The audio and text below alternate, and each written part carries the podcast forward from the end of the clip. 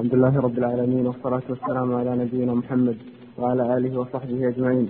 أما بعد فيقول الإمام مسلم رحمه الله كتاب الطاعون. باب في الطاعون وأنه رجز فلا تدخلوا عليه ولا تخرجوا فرارا منه.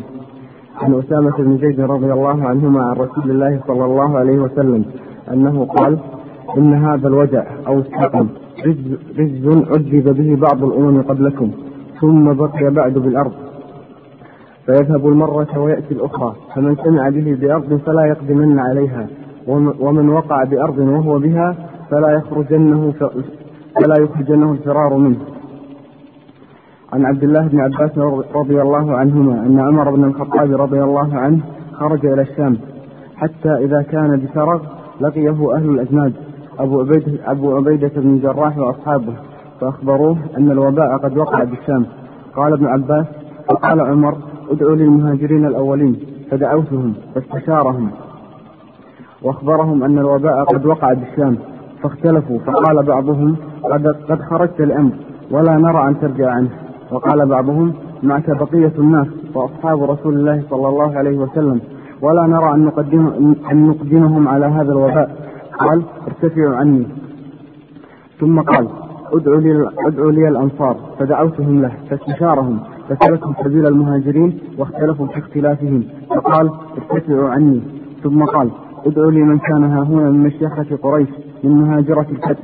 فدعوتهم فلم يختلف عليه رجلان. فقالوا نرى أن ترجع أن ترجع بالناس ولا تقدمهم على هذا الوباء. فنادى عمر بالناس إني مصبح على ظهر. فأصبح عليه. فقال أبو عبيدة أبو عبيدة بن جراح أفرارا من قدر الله؟ فقال عمر لو غيرك قالها يا أبا عبيدة. وكان عمر يكره خلافه. نعم نفر من قدر الله إلى قدر الله. أرأيت لو كان لك ابن فهبت واديا له عدوتان. إحداهما خصبة والأخرى جذبة. أليس إن رأيت الخصبة رأيتها بقدر الله؟ وإن رأيت الجذبة؟ رأيتها بقدر الله؟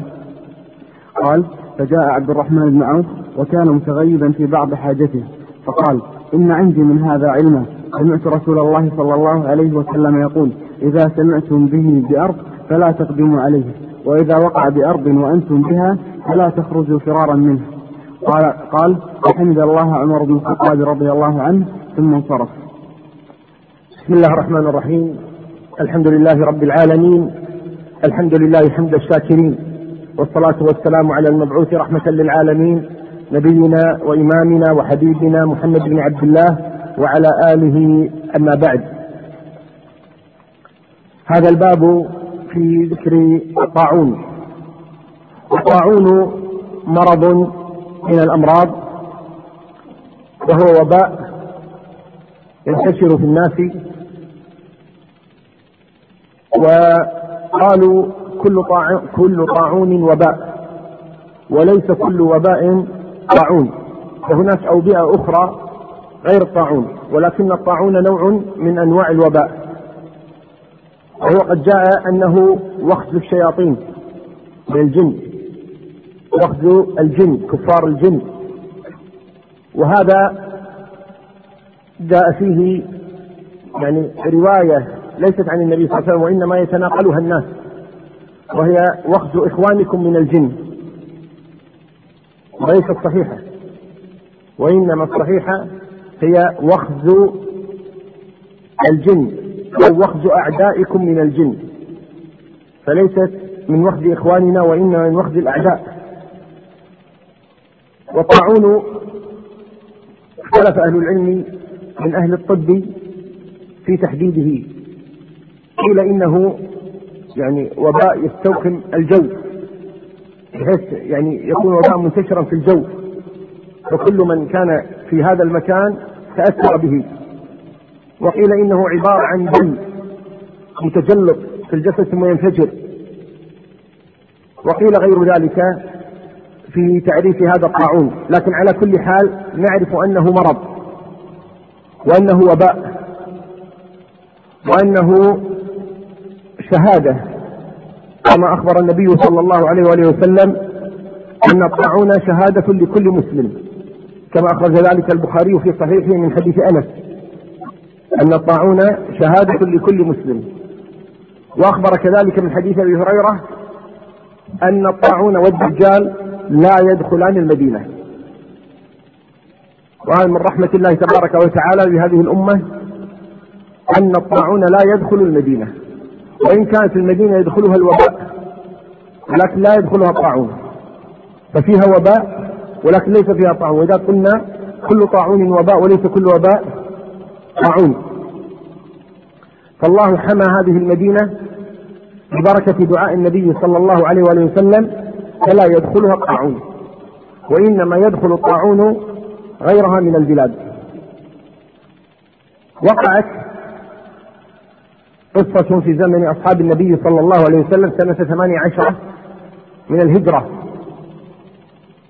عندما خرج عمر بن الخطاب بوجوه المهاجرين والأنصار ومشايخ المسلمين أو شيوخ المسلمين. فلما بلغوا أرض وهو في الطريق إلى الشام بلغهم أن الطاعون قد وقع في الشام. الطاعون قد وقع في الشام. كيف عرفوا ذلك؟ استقبلهم أبو عبيدة مع أهل الأجناد.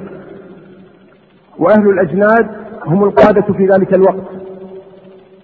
وهم الأربعة مع أبي عبيدة من يعرفهم؟ قادة فتح الشام. الذين أمرهم أبو بكر على فتح الشام. كانوا خمسة منهم أبو عبيدة. من الأربعة الباقون؟ نعم. عمرو بن العاص خالد بن الوليد. لا. لا.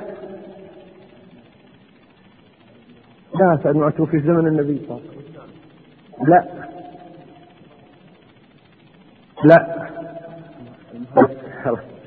شرحبيل بن حسنة ويزيد بن أبي سفيان. هؤلاء أمراء الأجناد.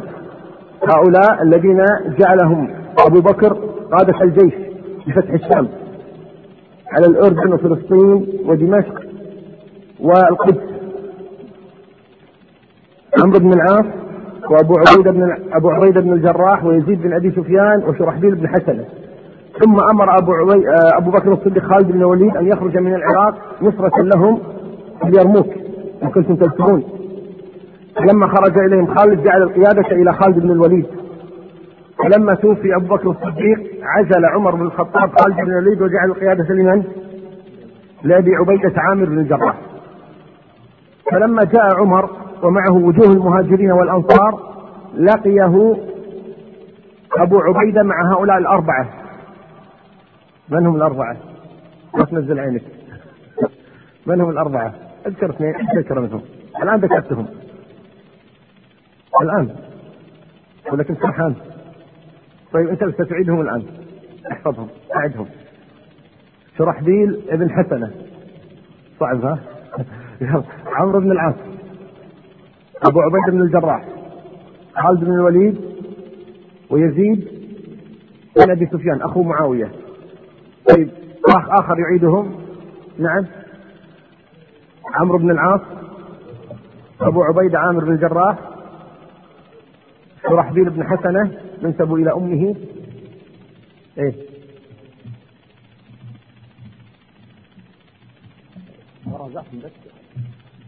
ظهر هذا مو دبل غير هذا. نبي واحد أربع ويل. يلا. أبو عبيدة. خالد بن الوليد. شرحبيل بن حسنة. يزيد بن سفيان. وعمر بن العاص. عمرو بن العاص. يلا.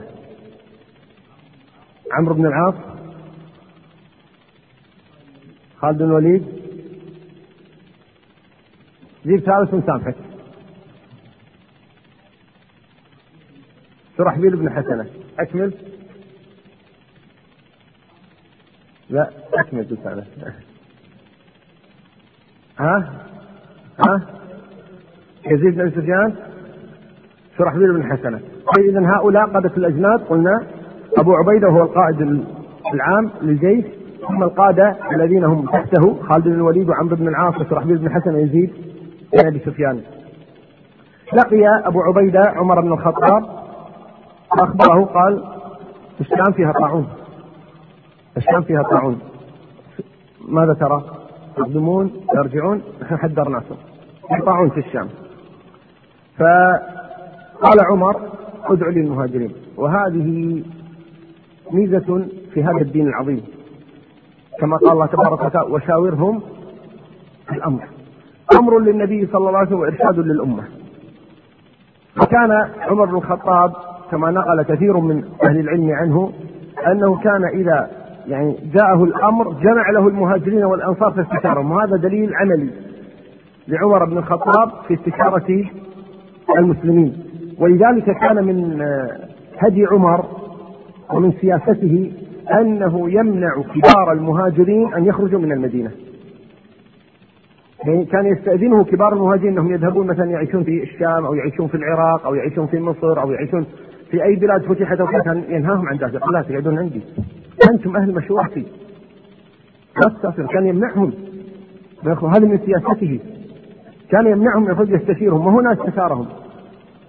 وانظروا كيف رتبهم عمر.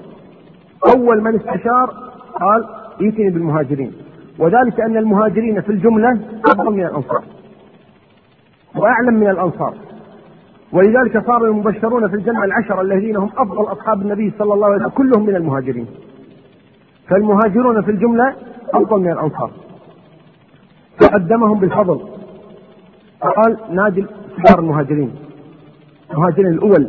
لأن المهاجرين الأول يعني عاشوا مع النبي أكثر. يعني النبي كان قاعد في مكة كم جلس في مكة يدعو. ثلاثة عشر سنة. غير الأربعين سنة التي عاشها قبل ذلك. صلى الله عليه هم أعلم بالرسول وأعلم بحكمه وأعلم بفهمه وأعلم بقضاياه صلوات الله وسلامه عليه. بعكس الأنصار الذين هم عاش معهم عشر سنوات وأيضا هذه العشر سنوات المهاجرون أيضا إيش؟ شاركوهم فيها. المهاجرون انفردوا ب 53 سنة على تفاوت بينهم الذي أدرك خمسين كأبي بكر والذي أدرك أقل من ذلك وأقل شيء من أدرك ثلاثة عشر سنة وشاركوا الأنصار في السنوات العشر التي كانت في المدينة. وأيضا لما كان في المدينة كان المهاجرون أقرب إليه من الأنصار. كان المهاجرون أقرب إليه من الأنصار. حتى زوجات النبي صلى الله عليه وسلم لم يتزوج من الأنصار. صلوات الله وسلامه عليه. على كل النبي صلى الله عليه وسلم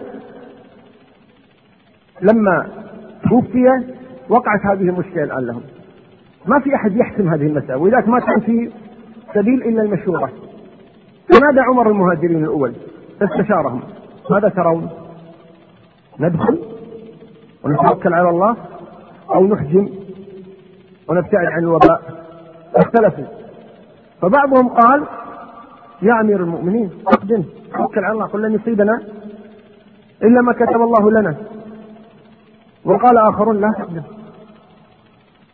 وما هي الضرورة لذلك؟ ولا تلقوا بأيديكم إلى التهلكة فاختلفوا. ناس على الفهم. وكلا الفهمين جائز. وكلا الفهمين جائز. فبعضهم يقول لن يصيبنا هو حق. فعلا لن يصيبهم إلا ما كتب الله لهم. وبعضهم قال طيب وإن كان لن يصيبنا إلا ما كتب الله لنا؟ لكن ما أمرنا الله بهذا؟ أن نلقي بأيدينا إلى هذا الأمر ثم نقول لن يصيبنا إلا ما كتب الله لنا. فاختلفوا. تكونت الآن فكرة عند عمر. خلق مؤنث خلاص أخذنا رأيكم. خلاص الأنصار. وسمع الأنصار. فجاء الأنصار فاستشارهم عمر. قال ما تقولون؟ في وباء الشام نقدم أو نرجع؟ فاختلفوا أيضا. ناس يقولون نقدم وناس يقولون لا تقدم. لا تهلك الناس. خير إن شاء الله. ارجعوا. إلى الآن ما خرج بنتيجة. لكن تكونت عندهم فكرة إلى الآن. قد تكون هو عندهم فكرة من أصل رأي أكيد رأي لكن ما ما أحب أن إيش؟ أن يفرض رأيه على الناس. هذا كما قلنا من حكمته ودرايته في شؤون الملك والخلافة. فقال ائتوني مشيخة قريش من مسلمة الفتح. مشيخة قريش أشيبان قريش كبار السن. مسلمة الفتح هنا قال بعضهم مسلمة الفتح عند الذين أسلموا يعني قبيل الفتح يعني أدركوا الفتح وبعضهم يقول الذين أسلموا بعد الفتح. وفي رواية قال مهاجرة الفتح. مع أنه النبي يقول يا هجرة بعد الفتح. قال أهل العلم لا هجرة بعد الفتح أي لا هجرة كاملة. فيه الذي هاجر هاجر لكن ليست هي الهجرة التي فيها إيش؟ ذلك الأجر العظيم الذي رتب على الهجرة أو تلك الهجرة الواجبة. كان قبل الفتح الهجرة إلى المدينة إيش؟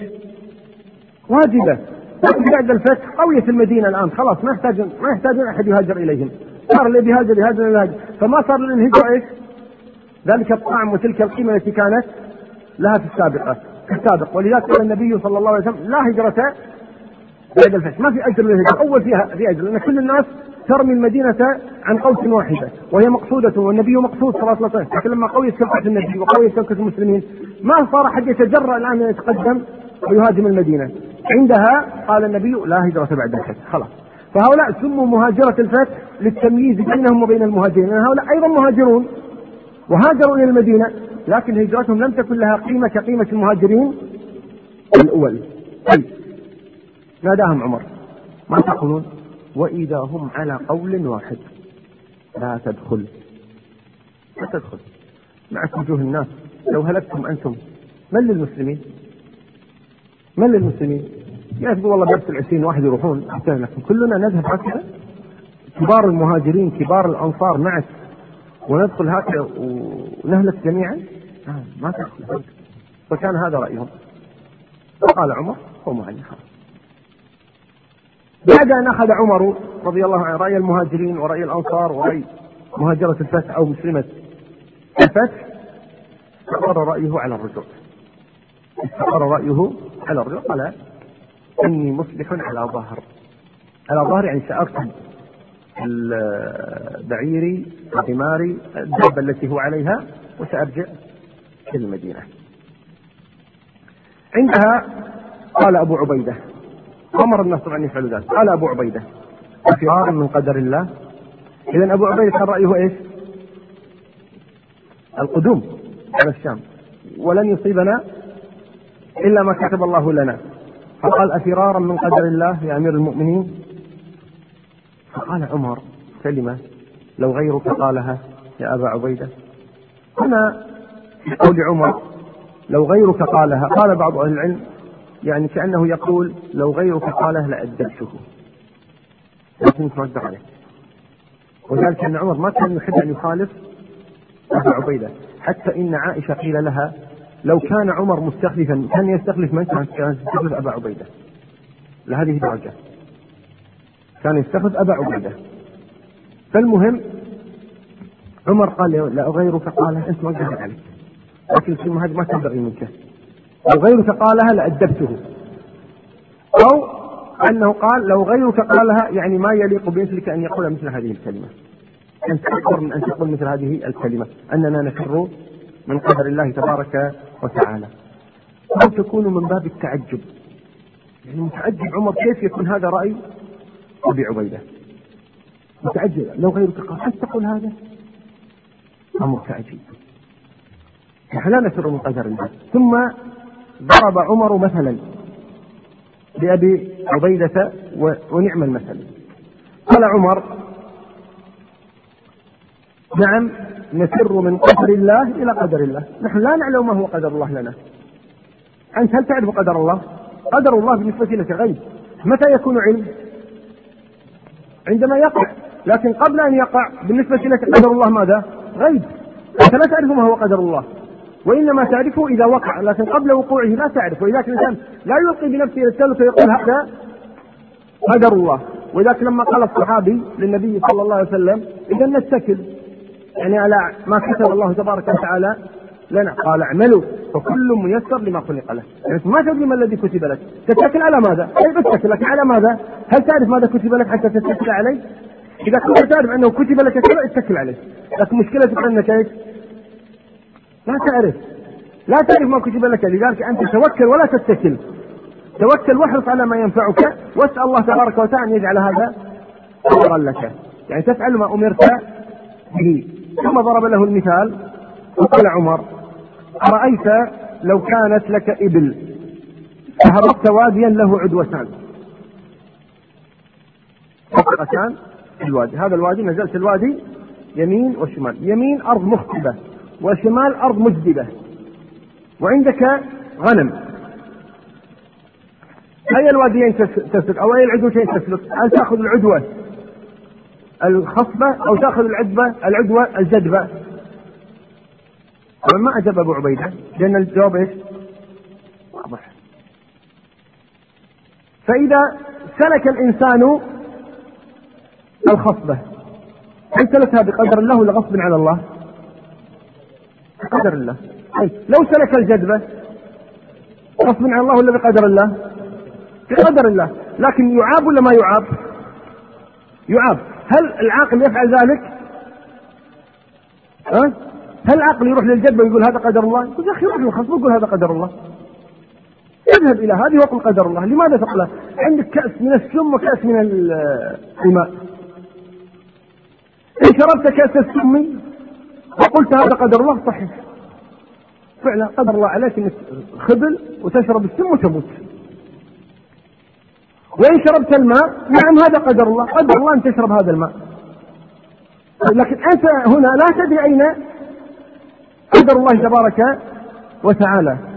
لذلك الذي جاء إلى العدوتين وهذه خصوة وهذه جدبة ما في عاقل يقول إنه أذهب إلى الجدبه وأقول هذا قدر يقول يا أخي اذهب إلى هناك وقل هذا قدر الله. وضرب عمر هذا المثال لأبي عبيدة رضي الله عنه. قال أليس إن رعيت الحصبه الخصبه رعيتها بقدر الله؟ وإن رعيت الجدبة رعيتها بقدر الله؟ ابو عبيده خلاص اقتنع لم يقتنع أنا راجع ورجع إلى الشام ومات فيها في طاعون عمار رضي الله عنه وأرضاه. خلاص. عندنا إيش؟ خلاص هذا هذا قدر الله. أنا يعني أتوكل على الله قل لن يصيبنا إلا ما كتب الله لنا. ورفض الخروج حتى إن عمر سأه قال تعال. قال لا افر من قدر الله. وبقي هناك حتى توفي رضي الله عنه وأرضاه. وهذا الطاعون يقال له طاعون عموات. وهذا في الشام قلنا سنة 18 من الهجرة. نعم. بعد هذا النقاش بين عمر وأبي عبيدة رضي الله عنهما جاء عبد الرحمن بن عوف وكان متغيبا لحاجة له. فجاء سمع أن في مشكلة. ما هي المشكلة؟ قالوا أبد والله متوقفون. لماذا متوقفون؟ قالوا والله في طاعون في الشام وعمر يستشير الناس. هل يقدم أو يرجع؟ قال المسألة واضحة. أنا عندي نص من النبي. صلى الله عليه وآله وسلم. وهذا فيه أن الحديث قد يغيب على الأكثر. شوف شوف نادى من عمر؟ المهاجرون الأوائل. ثم نادى الأنصار. ثم نادى الشيخ قريش. ولا واحد فيهم عنده علم بهذا الحديث؟ من الذي عنده علم؟ ولذلك النبي صلى الله عليه وسلم لما يكون جالسا بين أصحابه صلوات الله عليه يعني أحيانا كما في بعض الأحاديث. يكون جالس معه أبو موسى الأشعري كما في قصة القليب. لما جاء النبي صلى الله عليه وسلم ودخل حائطا قال أبو موسى لاكونن بواب النبي صلى الله عليه وسلم. كان النبي إيش؟ وحده. صحيح؟ كان وحده. ثم جاء أبو بكر ودخل عنده. فلو حدث النبي حديثا في هذا المكان من سمعه غير أبي بكر؟ كذلك في بيته. يحدث أحيانا بأحاديث من يسمعها؟ أزواجه. أشوف اي الزوجات تكون في يومها يكون في يومها فتسمع هي دون غيرها. أو عندما ردف معاذا معه على الحمار ثم قال له يا معاذ إني معلمك يا معاذ آه إني أحبك. في الله فلا تدعن دبر كل صلاه ولما جاء لابن عباس قال يا غلام إني معلمك كلمات. ففي أحاديث كثيرة النبي صلى الله عليه وسلم يحدث بها إيش؟ فردا أو يحدث فردين. أو يحدث جماعة معه أو يحدث الأمة في ذلك الوقت كما هو في خطب الجمعة أو يحدث أكثر من ذلك كما هو في الحج في يوم عرفة. فالأمر يتفاوت اذا في هذه القضية في هذا الحديث النبي كان قد حدث عبد الرحمن بن عوف قد يكون حدث غيره ممن ليس موجودا في ذلك المكان. لكن بالنسبة للموجودين الذي يعلم هذا الأمر من؟ عبد الرحمن بن عوف. فقال عندي علم. بس. لستم عندي علم. ما العلم الذي عندك؟ قال سمعت النبي صلى الله عليه وسلم يقول إذا وقع الطاعون وأنتم في أرض فلا تخرجوا منها. وإن لم تكونوا فيها فلا تدخلوها. خلاص انتهى الأمر. حسن الآن. حسن الأمر. ففرح عمر. وهذه تسمى من موافقات عمر. موافقات عمر. يعني وافق الشرع. صار رأيا ثم ثبت أن الشرع على هذا الرأي. ف لو قال لك قائل طيب بعد هذا الحديث يعني حديث نص عن النبي صلى الله عليه وسلم قال إذا سمعتم في الطاعون وأنتم آه ولستم فيها فلا تدخلوها إن سمعتم الطاعون فلا تدخلوها وإن كنتم فيها فلا تخرجوا منها فرارا منه. طيب مع هذا أبو عبيدة رجع إلى الشام. فكيف نحمل فعل أبي عبيدة؟ ما رأيك؟ لا هناك آخر واحد. ما سمعه. ما سمع عبد الرحمن بن عوف ما يسمع قاله بعد أن خرج أبو أبو عبيده ماشي. لو رايك لو رايك ماشي. ما عندك رأي؟ وما عندي رأي. ماشي. من عنده رأي؟ نعم. إيه نعم. ماشي. اجتهد وأخطأ. إذا بدأ هو كان فيها. نعم هذا هو الصحيح. أن أبا عبيدة داخل تحت قول النبي صلى الله عليه وسلم فلا تخرجوا منها فرارا منه. لا تخرجوا فرارا منه. هو كان في الشام أصلا. عندما وقع طعنه في الشام وإنما خرج ليخبر عمر بذلك. فرجع أيضا بالعكس هذا الحديث يؤيد إيش؟ يؤيد رجوعه وبقائه. لأن النبي قال لا تخرجوا منه فرارا منه. بعد بعد هذا آكد. فرارا لا والله ما أسر من الطاعون. ما أسر من الطاعون. فرجع رضي الله عنه وتوفي هناك في طاعون أموات كما قلنا. نعم. كتاب الطيرة والعدوى. باب لا عدوى ولا طيرة ولا فخر ولا هامة. عن أبي سلمة بن عبد الرحمن عن أبي هريرة رضي الله عنه حين قال رسول الله صلى الله عليه وسلم لا عدوى ولا صفر ولا هامة. قال أعرابي يا رسول الله فما بال الإبل تكون في الرمل؟ كأنها الظباء فيجيء البعير الأجرب فيدخل فيها فيجربها فيجربها كلها. قال فمن أعدى الأول؟ وفي رواية لا عدوى ولا طيرة ولا سفر ولا هامة. باب لا يورد ممرض على مصح. عن ابن شهاب أن أبا سلمة بن عبد الرحمن بن عوف حدثه أن رسول الله صلى الله عليه وسلم قال لا عدوى. ويحدث أن رسول الله صلى الله عليه وسلم قال لا يورد ممرض على مصح قال أبو سلمة كان أبو هريرة رضي الله عنه يحدثهما كلتيهما كليهما. عن رسول الله صلى الله عليه وسلم. ثم صمت أبو هريرة ثم صمت أبو هريرة بعد ذلك عن قوله لا عدوى وأقام على أن, أن لا يورد ممرض على مصح. قال وقال الحارث بن أبي ذباب وهو ابن عم أبي هريرة قد كنت أسمعك يا أبا هريرة تحدثنا مع هذا الحديث حديثا آخر قد سكت عنه. كنت تقول قال رسول الله صلى الله عليه وسلم لا عدوى. فأبى أبو هريرة رضي الله عنه أن يعرف ذلك وقال لا يورد ممرض على مصح. فما راه الحارث في ذلك حتى غضب أبو هريرة. فرطن بالحبشية. وقال للحارث أتدري ماذا قلت؟ قال لا. قال أبو هريرة إني قلت أبيت قال أبو سلمة ولا عمري لقد كان أبو هريرة يحدثنا أن رسول الله صلى الله عليه وسلم قال لا عدوى فلا أدري أنسي أبو هريرة أو نسخ أحد القولين أحد القولين الآخر. باب لا نوء. عن أبي هريرة رضي الله عنه أن رسول الله صلى الله عليه وسلم قال لا عدوى ولا هامة ولا نوء ولا صفر. باب لا غول. عن جابر رضي الله عنه قال قال رسول الله صلى الله عليه وسلم لا عدوى ولا طيرة ولا غول. طيب. في هذه الأحاديث في كتاب الطيرة والعدوى. جاء النبي صلى الله عليه وسلم حديثان ظاهره مع التعارض. الأول قول النبي صلى الله عليه وآله وسلم لا عدوى. فنفى العدوى. لا عدوى ولا طيرة. ولا صفر ولا هامة. المهم العدوى. كيف العدوى؟ قال ما في عدوى لا عدوى وفي حديث آخر قال لا يريدن ممرض على مصح وقال فر من المجدوم فرارك من الأسد فهنا لما تكون من المجزوم لماذا؟ وعندما لا يرد يدخل المريض على المصح لماذا؟ ظاهره حتى لا يعديه عندما يقول لا يورد ممرضا على المصح وعندما يقول فر من المجزوم ظاهره إيش؟ حتى لا يعديه طيب هو في الحديث الآخر يقول لا عدوى. فظاهر الحديثين إيش؟ التعارض. والحديثان صحيحان. ظاهرهما التعارض. أبو هريرة رضي الله عنه حدث بهذا الحديث لا يريد لا لا يريد ممرض على مصح قال له رجل من أبناء عمه قال له يا أبا هريرة أنا أذكر أنت كنت تحدثنا بهذا الحديث لكن أيضا كنت تحدث معه حديثا آخر أشوف كلام ما تحدث فيه. قال وما هو؟ قال كنت تحدث أن رسول الله صلى الله عليه وسلم قال لا عدوى.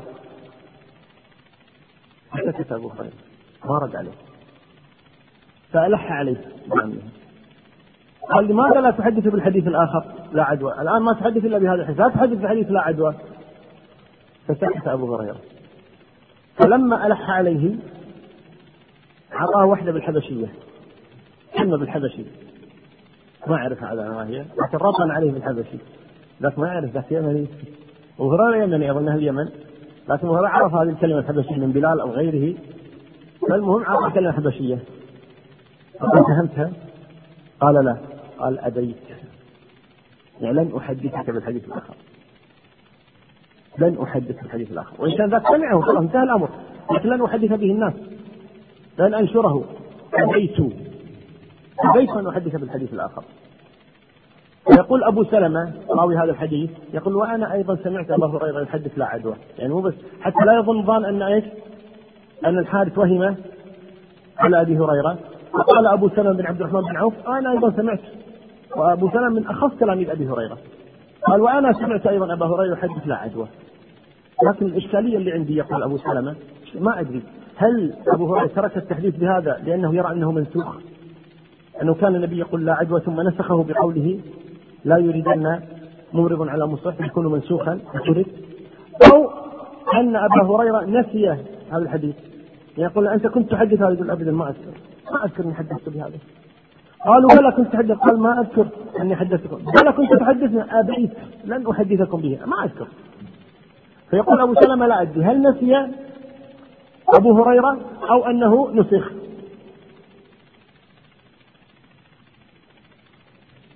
حتى إن أبا سلمة قال فما سمعت أو ما رأيت أبا هريرة نسي حديثا قط إلا هذا الحديث. يعني إن تقرر أنه كان ناسيا للحديث فأول مرة بحياتي أشوف أبا هريرة ينسى حديثا. أبو هريرة معروف بالحفظ وكمال الحفظ أول مرة بحياتي أشوف أبا هريرة ينسى حديثا. إذا هذا احتمالان أنه نسخ الحكم أو أنه آه نسيه أبو هريرة.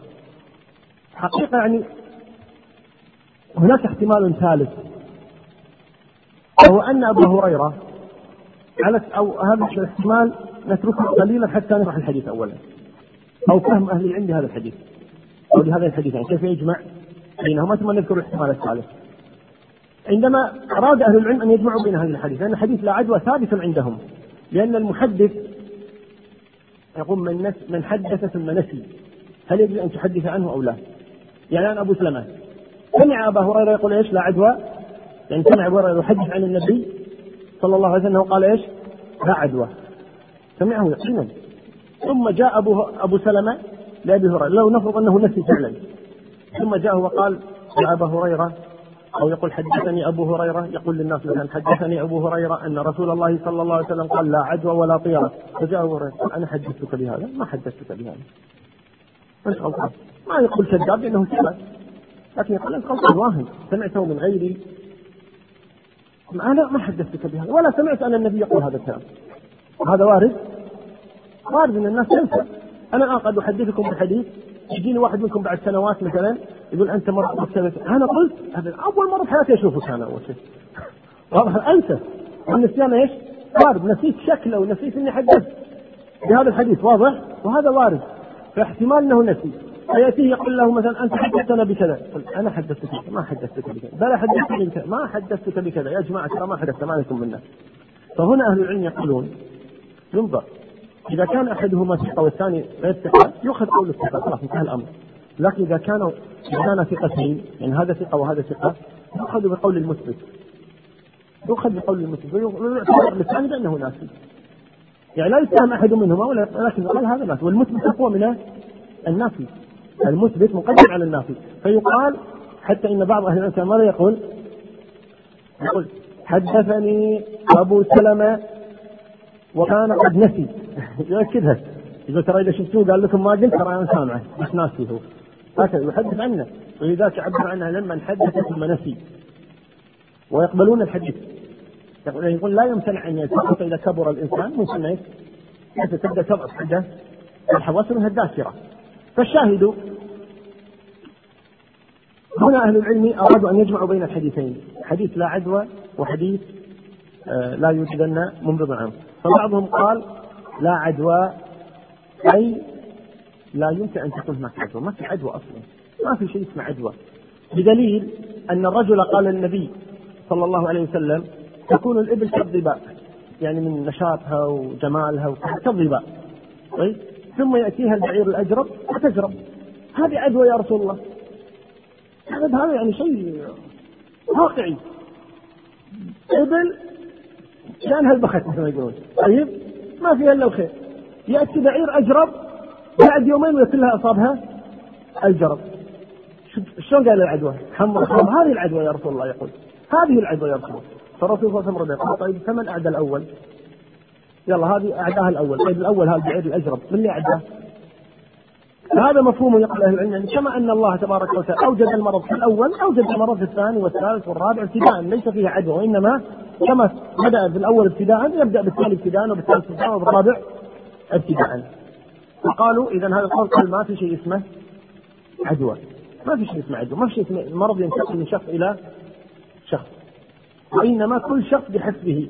هذا ابتدأ به هذا ابتدأ به هذا ابتدأ به أنا ابتدأ به وهكذا. فيكون ما في عدوى. نفي للعدوى. هذا قول. القول الثاني في عدوى.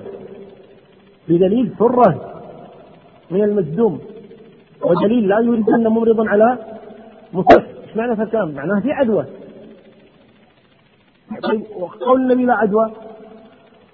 قالوا يحتمل أمرين. ما هما؟ الأمر الأول انه منسوخ. انه منسوخ نسخ هذا الأمر. طيب الامر الثاني؟ قال الأمر الثاني أنه لا عدوى بذاتها ولكن عدوى بأمر الله. يعني إذا أراد الله أن ينتقل المرض بالعدوى ينتقل ما ما أمر ينتقل. ولذلك مو كل واحد يعده. ممكن واحد مريض يجلس عنده خمسة واحد يعد أربعة. ما يعدون فبعض الناس يعتقد ان عدوى معناته لازم إيش؟ لازم ينتقل المرض إلى غيره.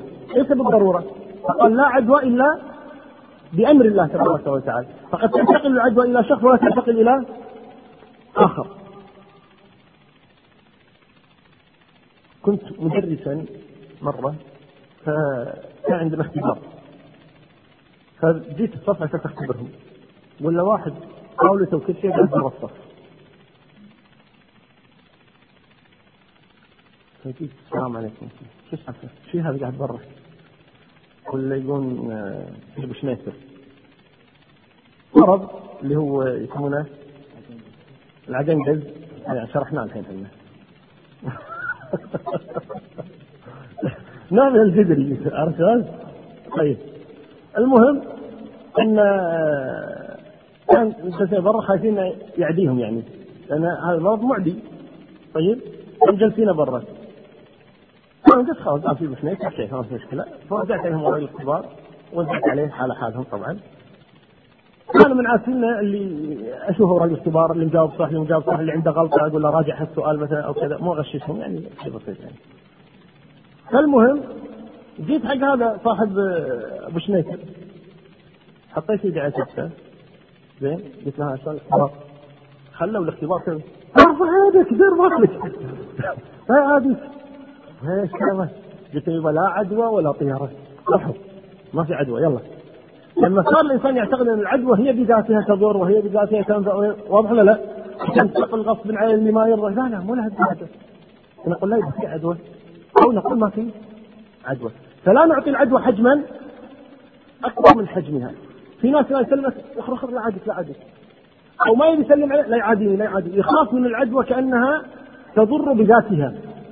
كأنها تضر بذاتها. وفي ناس لا تبالي بالعدوى أصلا تقول ما في عدوى والأمر وسط. تقول في عدوى لكن لا تضر بذاتها وإنما بأمر الله تبارك وتعالى. وهذا هو الاحتمال الثالث الذي قلناه بالنسبة لكلام أبي هريرة. وهذا معنى كلام أبي هريرة والله الان لما قال ابي يعني لن أحدثكم بهذا فظاهر والله الآن ان أبا هريرة أن الناس بدأوا يفهمون الحديث على غير فهمه الصحيح. أن الناس صاروا يفهمون الحديث على غير فهمه الصحيح. وهو عندما كان يحدث لا عدوى أن الناس قامت تنفي أصل العدوى. لما صارت الناس تنفي أصل العدوى قالوا هذا يبغى بس ما راح احدث بهذا الحديث. أحدثكم بس الحديث. ثم هذا تحتاجون إليه. ما تحتاجون إلى الثاني. تركوا لأجل هذا والله العالم. لو ما صار يحدث به ويقول أبيت أن أحدث بهذا وهذا يؤكد بقية أن أبا هريرة ما كان ينسى رضي الله عنه لدعاء النبي له بالحفظ صلوات الله وسلامه عليه ويحكم قوله أبيت أي لن أحدث بهذا لأن ما تفهمون صح. خشية فهمه خطأ. ومن ذلك قول أبي هريرة رضي الله عنه حفظت عن رسول الله وعاءين أما أحدهما فبثثته وأما الآخر فلو بثثته لقطع مني هذا. وأسأل البلعوم وهي الأخبار التي كانت تحدث في المستقبل وكان يقول أعيذكم من سنة الستين وإمارة صبيان وكان كان يستعيذ بالله أن تدركه وقدر الله أنه مات قبلها. رضي الله مات سنه 59 أبو هريرة. فعلى كل فيكون معنى قول أبي هريرة على الاحتمال الثالث أنه لما أبى أن يحدث ما يكون نسي ولا يكون نسخ ولكن خشي أن الناس يفهمونه خطأ وينكرون قضية العدوى وترك التحديث به خلاص حدثت به من زمان ولا حدث لكن لن أحدث به مستقبلا خلاص. ثم إن الحديث حدث به غير أبي هريرة كأنس وغيره حدثوا بهذا الحديث. نعم. قل النبي صلى الله عليه وسلم لا عدوى ولا سفر السفر قيل هو النسيء. يعني ينسئون الأشهر. إنما النسيء زيادة اللعب بالاشهر الذي كانوا يلعبون به أو إن النسيء عفوا الصفر هي دابة كانت تخرج في الإبل والبقر وغيرها فتهلكها. وقال النبي صلى الله عليه وسلم ما في صفر هذا الصفر توهمون به دعوه. كذلك قوله ولا هامة. الهامة المشهورة هي البومة. والعرب من حينها تتشاءم من البومة. ولا تضايقوا مش قالوا أنت شنو؟ ضبسه واضح يعني بومة. يعني أنت شؤم. وفلان حضر خربت. خلاص فلان قبسه. يعني آه لن يستمر الأمر لن كذا خلاص شؤم يتشائمون من هذا. ويستبشرون أبو بشير ها؟ فتسموه أبو بشير علشان كذي لا شافوه استبشروا خيرا. وهي حشرة؟ لا لها شغل بالخير ولا لها شغل بالشر. والبومة لا لها شغل بالخير ولا لها شغل بالشر. ولذلك يقول إن طاووس بن كيسان اليماني رحمه الله ورضي عنه كان مسافرا ومعه شخص فمر بهم طير فنعق. أخرج صوتا. غراب. نعق فقال الرجل خير خير خير. فقال طيب أي خير في هذا؟ غراب نعق أي خير في هذا؟ لا خير ولا شر. والله لا أسافر معك ابدا. احتشاء من الطيور استفاد نعق ولا ما نعق؟ خير والشر إيش دخل الخير والشر به؟ هل يعلم الغيب الغراب حتى ينعق؟ الخير ولا ينعق للشر؟ والله لا أسافر معك أبدا. فالقصد إذا أن الهامة قيل هي البومة التي يعني آه، يتشائم بها الناس عندما آه، يرونها أو يسمعون صوتها. ثم في الحديث الثالث إنه قال لا عدوى ولا هامة ولا نوءة ولا فقر. النوء اللي يحفظ حديث زيد بن خالد الجهني لما قال النبي صلى الله عليه وسلم للناس أتدرون في الحديبية؟ لما نزل عليهم المطر في الحديبية الليل فقال تدرون ماذا قال ربكم البارحة؟ قالوا الله ورسوله أعلم. قال قال ربكم أصبح العباد مؤمن بي وكافر. مؤمن بي وكافر. فمن قال مطرنا بفضل الله ورحمته فهذا مؤمن بي كافر بالكوكب. ومن قال مطرنا بنوء كذا فهذا كافر بي مؤمن بالكوكب. من قال مطرنا بنوء كذا. هذا النوء. النوء هي منازل النجوم. الأنواء منازل النجوم. الأنواء هي منازل النجوم. فبعض الناس من منازل النجوم يرى أن النجوم النجم إذا صار بهذا المكان أنزل المطر وليس نزل المطر أنزل المطر. إذا قال انتبهوا لها ثلاث حالات الآن. إذا قال إن النجم إذا بلغ هذا المنزل أو هذا المكان في السماء أنزل النجم المطر هذا شرك أكبر. إذا اعتقد أن النجم هو الذي ينزل المطر إذا وصل بنوء كذا هذا شرك أكبر. وهذا معنى قول النبي مطرنا بنوء كذا أي أمطرنا نوء هذا هو الذي أنزل المطر وليس الله تبارك وتعالى. هذا شرك أكبر. الحالة أو الصورة الثانية أن يقول مطرنا أو تمطر السماء أو ينزل الله المطر بسبب كون النجم الفلاني بالمكان الفلاني. هذا شرك أصغر لأنه جعل ما ليس بسبب سببا. جعل ما ليس بسبب سبب. أي جعل وجود النجم في المكان الفلاني فعندها أنزل الله المطر بسبب هذا الشيء بسبب هذا الشيء وهذا كذب. الله ما جعل هذا سببا لنزول المطر وهذا يقول عنه شرك أصغر. وهذا أيضا داخل في قول النبي صلى الله عليه وسلم من قال مطرنا بنوء كذا أي بسبب نوء كذا فهذا مؤمن بالكوكب كافر بالله.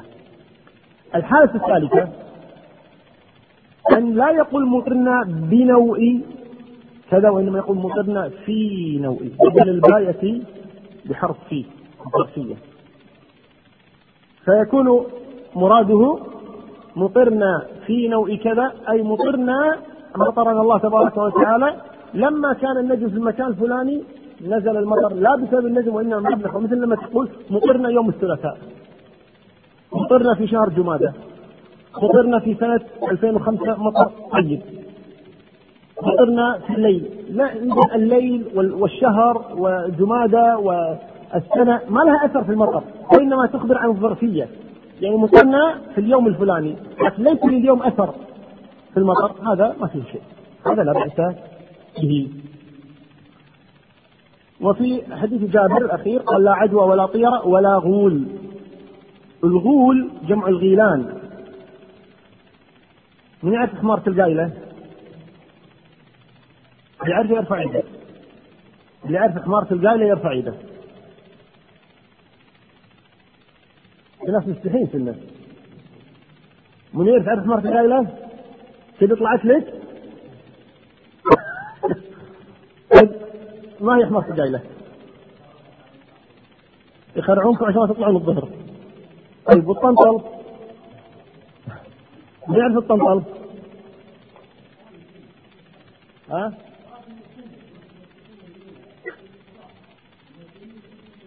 بس. وراسه ما يبين من كبره.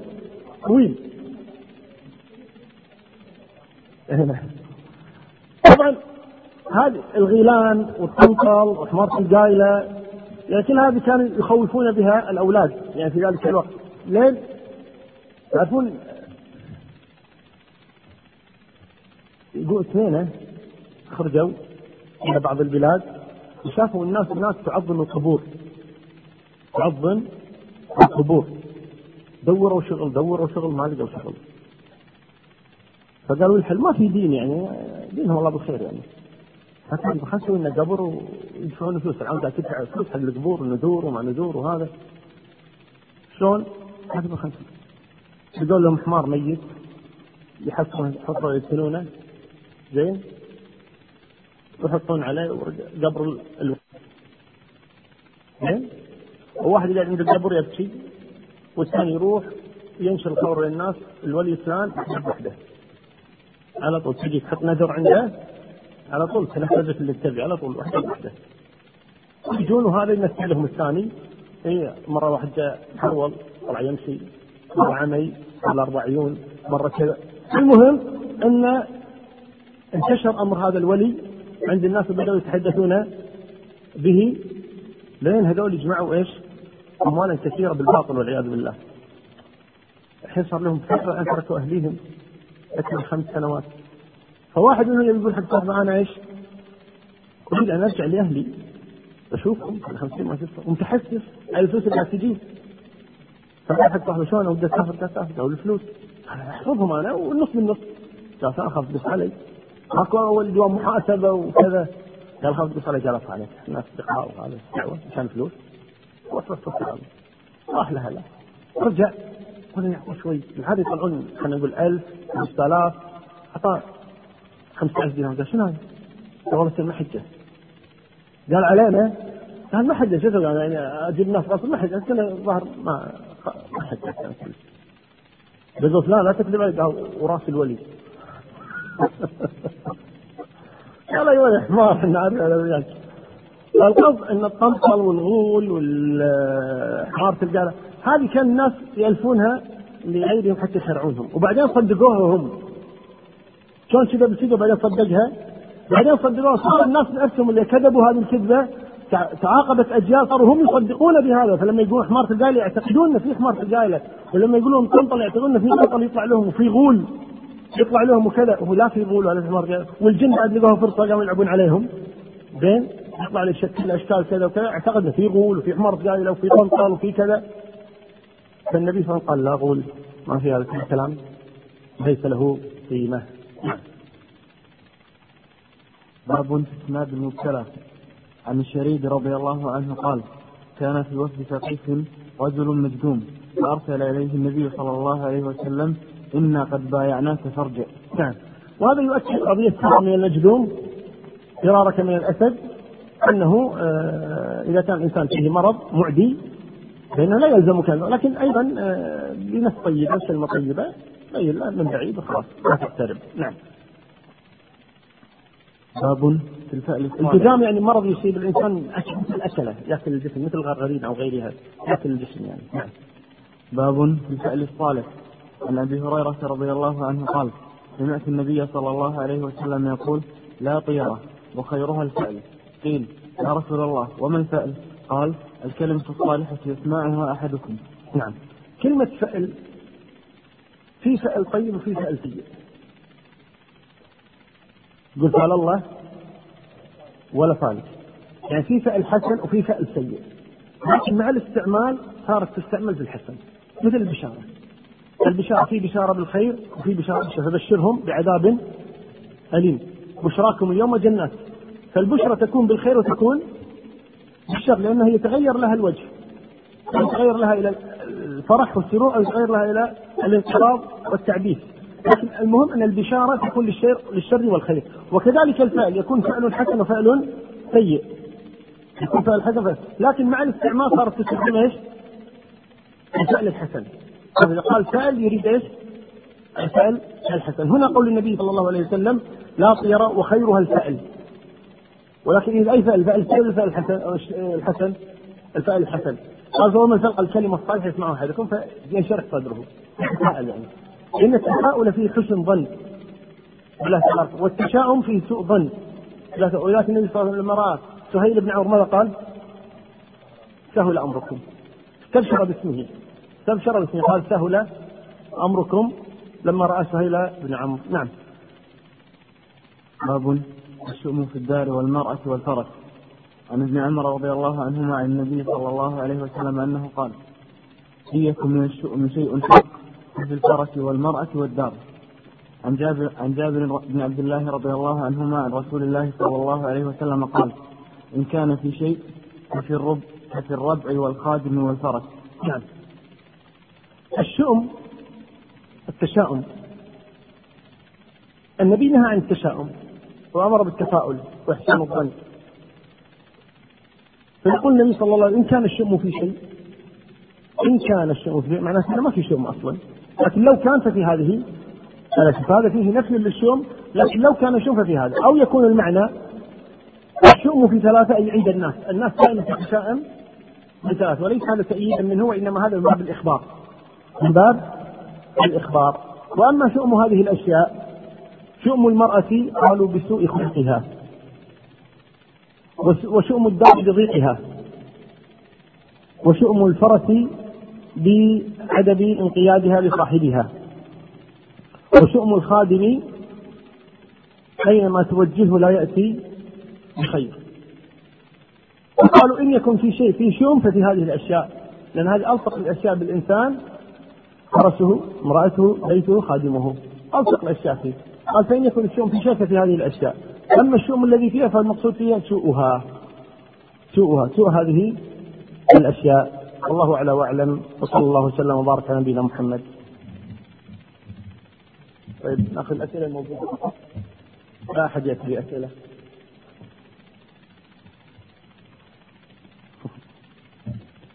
عمر عنده واسطة. هنا؟ في بيته يقول هناك آه، لقاء مفتوح مع الشيخ سعد الشثري بعد صلاة الجمعة في مسجد الشريف القيان الذي يخطب فيه الشيخ ناظر المصباح في منطقة بيان آه، اللي عنده سؤال أو استفسار من الآن يعني يجهزه يكتبه للشيخ هل يجوز أن نقول للنصارى الدعاة يتصل أنهم مبشرون؟ مبشرون بالنار. يعني يبشرون بالنار. اكتشفت أن الفتاة التي أريد أن أتقدم إليها أنها تعاكس الشباب ولها اتصالات مع شباب فلا أتقدم إليها أم أرفضها مع أنها لا طيبين لا أرفضها أرفضها. أنك لو تزوجتها بعد ذلك لو دشته تتكلم بالتليفون آه من تكلمين. ربنا تقدر تشكك فيها. أقطع الباب وتزوج غيرها. لكن لا لا لا لا تشيع هذا عنها اسكت عنها تستر عليها. خاصة إذا ثابت. عندنا مثل معروف يقول إذا طلع السيل لا تأمن السيل. ما في بس. هذا من باب الخبر أنه إذا خرج دجل السيل هذه علامة. علامة على نزول المطر لأنها عادة. هذا يعني هذا الفرق بين الفلك وبين التنجيم علم الفلك ما في بأس وهو الإخبار أنه عادة في كل سنة في هذا الوقت ينزل. ينزل يعني المطر في هذا الوقت. يقول مسكين هذا الحمار. لا يدري أنهم جنوا منه أموال طائلة من وراء موته خاطر هل يجوز أن نصلي سنة الظهر أربع بتسليمة واحدة؟ نعم يجوز، لكن لا تجلس في التشهد الأول. هل قول مال الله آه قال الله ولا خالق جائز واستشهدت به في قولك؟ نعم إذا كان إذا إذا كان يقصد به يعني ما أوقعه الله تبارك وتعالى ولا ما تتمناه أنت ما في إن شاء الله تعالى. وهل قول اللهم لا خير إلا طيرك ولا خير إلا خيرك جائز؟ نعم. هل يجوز الضحك بصوت عالي وهل ثبت عن الصحابة؟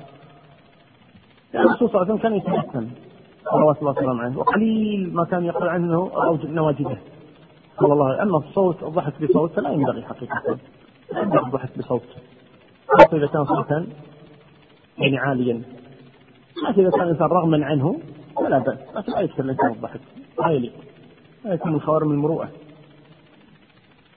هل يجوز من حديث النبي صلى الله عليه وسلم عن تبليغ الإسلام الجماعه يقول تبليغ فرد من الجماعة؟ نعم هذا فيه استدلال بخبر الواحد. لو استدلوا بخبر الواحد. هل سبع تمرات كل يوم على الريق من الأمراض والحسد أو العين؟ الله أعلم لكن الذي جاء في الحديث السم والسحر. ما سبب مرض الطاعون وما سببه كيف ينتشر؟